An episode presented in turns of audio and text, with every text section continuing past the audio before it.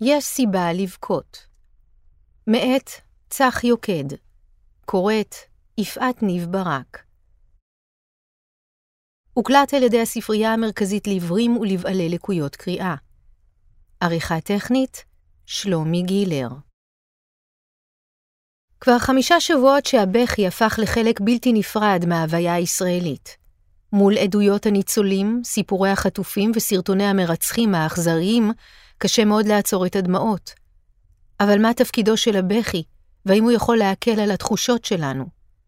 הטענה שהבכי לבדו גורם לאדם להרגיש טוב יותר, שהוא סוג של קתרזיס, היא לא נכונה.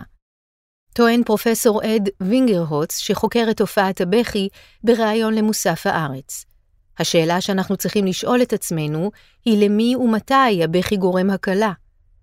במחקר שערכנו מצאנו כי רק מחצית מהאנשים טענו שהם חשו הקלה בעקבות הבכי, לעומת 40% שטענו שהם לא הרגישו טוב יותר, ו-10% שטענו שהם הרגישו גרוע יותר. מה שעוד מצאנו הוא שיש שלושה גורמים שקובעים אם אדם מסוים יחוש הקלה בעקבות בכי או לא. אילו גורמים? הראשון הוא הבריאות הנפשית של האדם שבוכה. אדם שסובל מדיכאון נוטה לבכות הרבה, אבל הבכי הזה לא יסב לו הקלה. גורם שני הוא אם הבכי שלך יוליד תמיכה חברתית או לא. אם כן, גדל הסיכוי שתחוש הקלה כלשהי לאחר מכן, אבל אם לא, כנראה שבמקום הקלה, תחוש בושה. הגורם השלישי הוא אם הסיבה שבגללה אנחנו בוכים נמצאת בשליטתנו או לא. כלומר, אדם שבוכה מפני שהוא בקונפליקט עם בן או בת הזוג שלו, כנראה ירגיש הקלה מסוימת לאחר שהוא בוכה. אבל הסיכוי שמישהו שבוכה בעקבות מוות של אדם אחר ירגיש הקלה, הרבה יותר נמוך. לטענתו של וינגרהוץ, הערך של הבכי הוא ערך חברתי. לכן הבכי שנובע מהצורך בתמיכה חברתית כל כך מובן ושכיח היום בישראל, הוא אומר.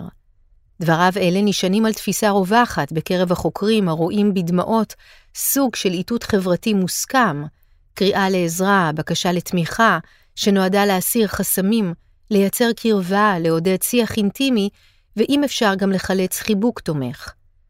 במחקר שערכנו בשנות ה-90, בהשתתפות אלפי בני אדם מ-37 מדינות, מצאנו כי מרבית האנשים נוטים לבכות בין השעות 6 בערב ל-10 בלילה, הוא אומר. איך אתה מסביר את זה? באותן שעות מרבית האנשים נמצאים בבית, בחברת ההורים או בן או בת הזוג. במילים אחרות, אנשים שיכולים להגיב לבכי שלהם בחיבוק תומך, או בכל סוג אחר של מגע. האנשים האחרים שהם נמצאים בחברתם במהלך היום, יכולים אולי לנסות לנחם אותם במילים, אבל לא תמיד בחיבוק או בכל סוג של מגע פיזי, בגלל חסמים כאלה או אחרים. היכולת של הדמעות לעורר אחווה וסולידריות חברתית בין פרטים שונים, היא גם זו שעמדה מאחורי מה שמתאר וינגרהוץ כמפגשי בכי משותפים שהיו נהוגים בעבר בין חברי אותו שבט. בדרך כלל המפגשים הללו היו נערכים לפני יציאה של חברי השבט לקרב מסוכן, או בעקבות אסונות טבע קשים שפקדו את תושבי השבט, כמו למשל התפרצות הר געש. הקרבה והאחווה שהבכי מעורר במקרים מהסוג הזה, דומות לאחווה שמעוררות פעולות אחרות שנערכות בציבור, כמו למשל שירה או תפילה משותפת. כבר יותר מ-30 שנה שווינגרהוץ, 70, פרופסור לפסיכולוגיה קלינית מאוניברסיטת טילבורג שבהולנד, חוקר מתי ולמה אנחנו מזילים דמעה, ואיך אפשר להסביר טוב יותר את הבכי, מתוך התייחסות להבדלים בין המינים, לפערי התרבויות, להשפעת ההורמונים ולנורמות החברתיות הנהוגות במקומות שונים בעולם. את המסקנות שלו פרסם בעשרות מאמרים מדעיים ובשני ספרי עיון, בכי של מבוגרים, המודל הביו-פסיכוסוציאלי, ולמה רק בני אדם מתייפחים, פיצוח המסתורין של הדמעות. הופתעתי לגלות עד כמה היה מועט המחקר בנושא הבכי, ומתאר את הנסיבות שהובילו אותו לצלול לתחום לפני עשרות שנים, ולאחר שכבר היה פרופסור מוערך לפסיכולוגיה קלינית. הייתי במסיבת יום הולדת, ואחד האורחים פנה אליי ושאל אם יש לבכי השפעה חיובית, הוא נזכר. כשחיפש את התשובה בספרות המקצועית, הופתע לגלות עד כמה זו הייתה דלילה. מדובר בתחום מחקר שעדיין נמצא בחיתוליו, הוא אומר, ולצד זאת מוסיף כי הדבר מפתיע לנוכח העניין הרב שמעוררות הדמעות זה אלפי שנים. כבר בסיפורי המיתולוגיה היוונית קושרו הדמעות לבריאת חיים חדשים. הוא אומר ומוסיף כי גם היום בכל העולם דמעות מקושרות לפוריות, טוהרה וכנות. מנגד, כפי שהוא מספר, מקורן של הדמעות נחשב במשך אלפי שנים לשנוי במחלוקת. כך, למשל, בסיפורי הברית הישנה של הנצרות, מתוארות הדמעות כתוצר לוואי של חולשת הלב הרך. בימי הביניים רווחה תפיסה חדשה, שראתה בדמעות תוצר ישיר של רגשות עזים, בעיקר אהבה שגורמת להתחממות הלב, שבתגובה מקרר את עצמו באמצעות היווצרות רטיבות פנימית, שעולה כל הדרך מהלב לראש, ומתנגזת החוצה דרך העיניים. כל זאת, עד שהגיע המדען הדני, ניקולאוס טנו, וגילה ב-1662 את בלוטת הדמעות בחלק הפנימי של העפעף העליון, והעריך כי תפקידן של הדמעות הוא לסייע במקרים של יובש בעיניים. כעת מגיע תורו של וינגרהוץ לתרום את חלקו לחקר בתחום. אני חושב שיש סיבות טובות לקבוע שבכי הוא לא רפלקס, אלא התנהגות שיש לנו שליטה עליה, הרבה יותר מכפי שאנשים נוטים לחשוב. הוא טוען וסותר את התפיסה שרווחה במשך זמן רב, ושאפשר למצוא לה אחיזה גם היום, הרואה בדמעות רפלקס בלתי נשלט, כתוצאה מכאב פיזי או התפרצות רגשית חזקה. אם מדובר היה ברפלקס, לא היינו רואים הבדלים בדפוסי הבכי בהתאם לנסיבות החברתיות ולתנאים הסביבתיים השונים, הוא אומר.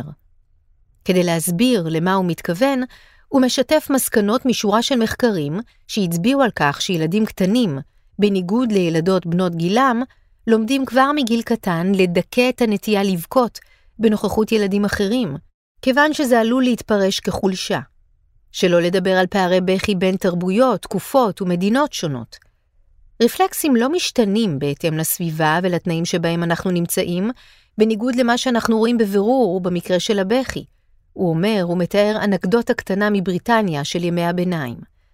באותה תקופה היה מקובל לראות חוואי בוכה בעקבות מותה של פרה, אבל בכי על מותו של אביר שראשו נערף בציבור, היה הרבה פחות מקובל מבחינה חברתית, הוא מספר. זה גם יכול להסביר את הממצאים שעלו מהמחקרים שלך, שלפיהם נשים נוטות לבכות פי חמישה יותר מגברים. כמעט בכל התרבויות הסיבות המקובלות לבכי הן תחושה חזקה של געגוע, שכול או כאב פיזי חזק. כשבוחנים את הבכי בעקבות מקרים כאלו, אנחנו כמעט לא רואים הבדלים בין גברים לנשים. מה שכן, בקרב נשים, בניגוד לגברים, אנחנו יכולים לראות תופעה הרבה יותר שכיחה של בכי כתוצאה מדברים הרבה יותר טריוויאליים, יומיומיים. למשל, הרבה יותר מקובל לראות נשים שמגיבות בבכי בעקבות קריסה פתאומית של המחשב באמצע העבודה, או בגלל תקר בגלגל. אצל גברים, לעומת זאת, מצבים כאלה לא יובילו לבכי, אלא לפרץ של קללות. ההסבר לתגובה השונה נעוץ בתחושה של חולשה וחוסר אונים, שהמצבים הללו מעוררים בקרב נשים. במקרה של גברים, מנגד, הציפייה החברתית היא שהם ידעו להתמודד בצורה הרבה יותר טובה עם מצבים כאלה. אבל יש גורמים נוספים שתורמים לכך שנשים בוכות יותר, כמו למשל העובדה שלנשים יש נטייה לחשוף את עצמן הרבה יותר למצבים רגשיים קיצוניים. לא זכורה לי הפעם האחרונה שגבר פנה אליי וסיפר שהוא הולך לצפות באופרת סבון סוחטת דמעות, או לקרוא ספרות רומנטית מרגשת. אפשר לראות את זה גם באופן השונה שבו שני המינים מדברים על סקס. גברים באופן כללי מעדיפים להימנע ממצבים רגשיים, בניגוד לנשים. מה לגבי ההבדלים הביולוגיים בין שני המינים? נהוג לטעון שלנשים יש נטייה לבכות יותר בגלל ההורמונים הנשיים שמעודדים בכי. אני, לעומת זאת, סבור שההסבר הפוך. כלומר שההורמון הגברי, הטסטוסטרון, הוא זה שמדכא לא פעם את יצר הבכי אצל גברים. אחת העדויות לכך היא שגברים מבוגרים נוטים לבכות יותר ככל שהם מתבגרים, כשבמקביל רמת הטסטוסטרון בגוף פוחתת. עדות נוספת לכך היא גברים שסבלו מסרטן ההרמונית, שגורם לירידה ברמת ההורמון הגברי, והעידו גם הם על נטייה גוברת לבכי. למעשה ראינו את זה גם במקרה של בעלי חיים, כמו למשל כלבים שעברו סירוס, שגורם לירידה ברמת הטסטוסטרון. אצל אותם כלבים ראינו נטייה גוברת לבכי ממושך יותר, במקרים של פרידה מהבעלים למשל, לעומת כלבים שלא עברו סירוס, ושרמת הטסטוסטרון שלהם הייתה נורמלית. למרות שכפי שאתה שב וטוען, בעלי חיים בניגוד לבני אדם, לא באמת בוכים. אם אתה מתמקד ביונקים, אפשר לראות תופעה של מה שאני מכנה בכי קולי, vocal crying, בעיקר במקרה של יונקים שמופרדים מאימם ומשמיעים התייפכות שיכולה להזכיר בכי של תינוק. אבל בני האדם הם היחידים שמזילים דמעה.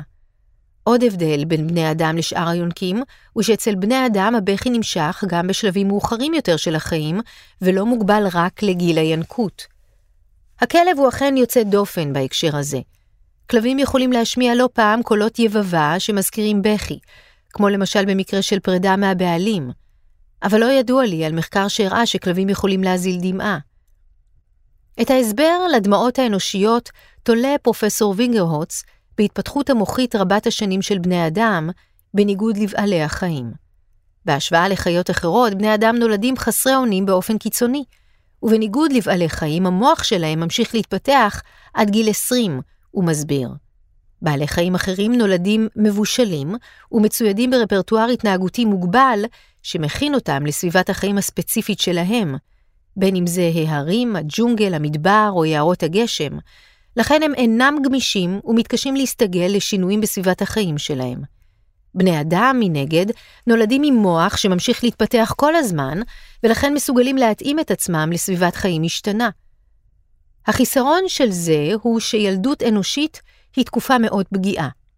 ילדים, בניגוד לבעלי חיים, עדיין תלויים במבוגרים שיעזרו להם להתפתח ולהסתגל לסביבת החיים שלהם, ובגלל זה הדמעות חשובות מאוד.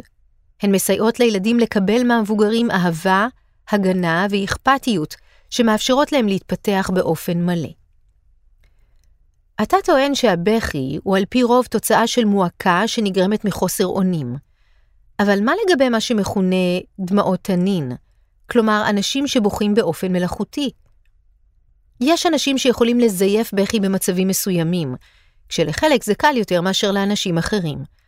אבל אני לא חושב שיש באמת דבר כזה, דמעות תנין. אני חושב שאם מבקשים ממישהו לבכות במצב שבו אין לו שום דחף לבכות, אז הוא יחשוב על אירוע עצוב שיגרום לו להזיל דמעה. כך שהבכי הוא לא באמת משום מקום, הוא קשור לרגש מסוים שמציף אותך.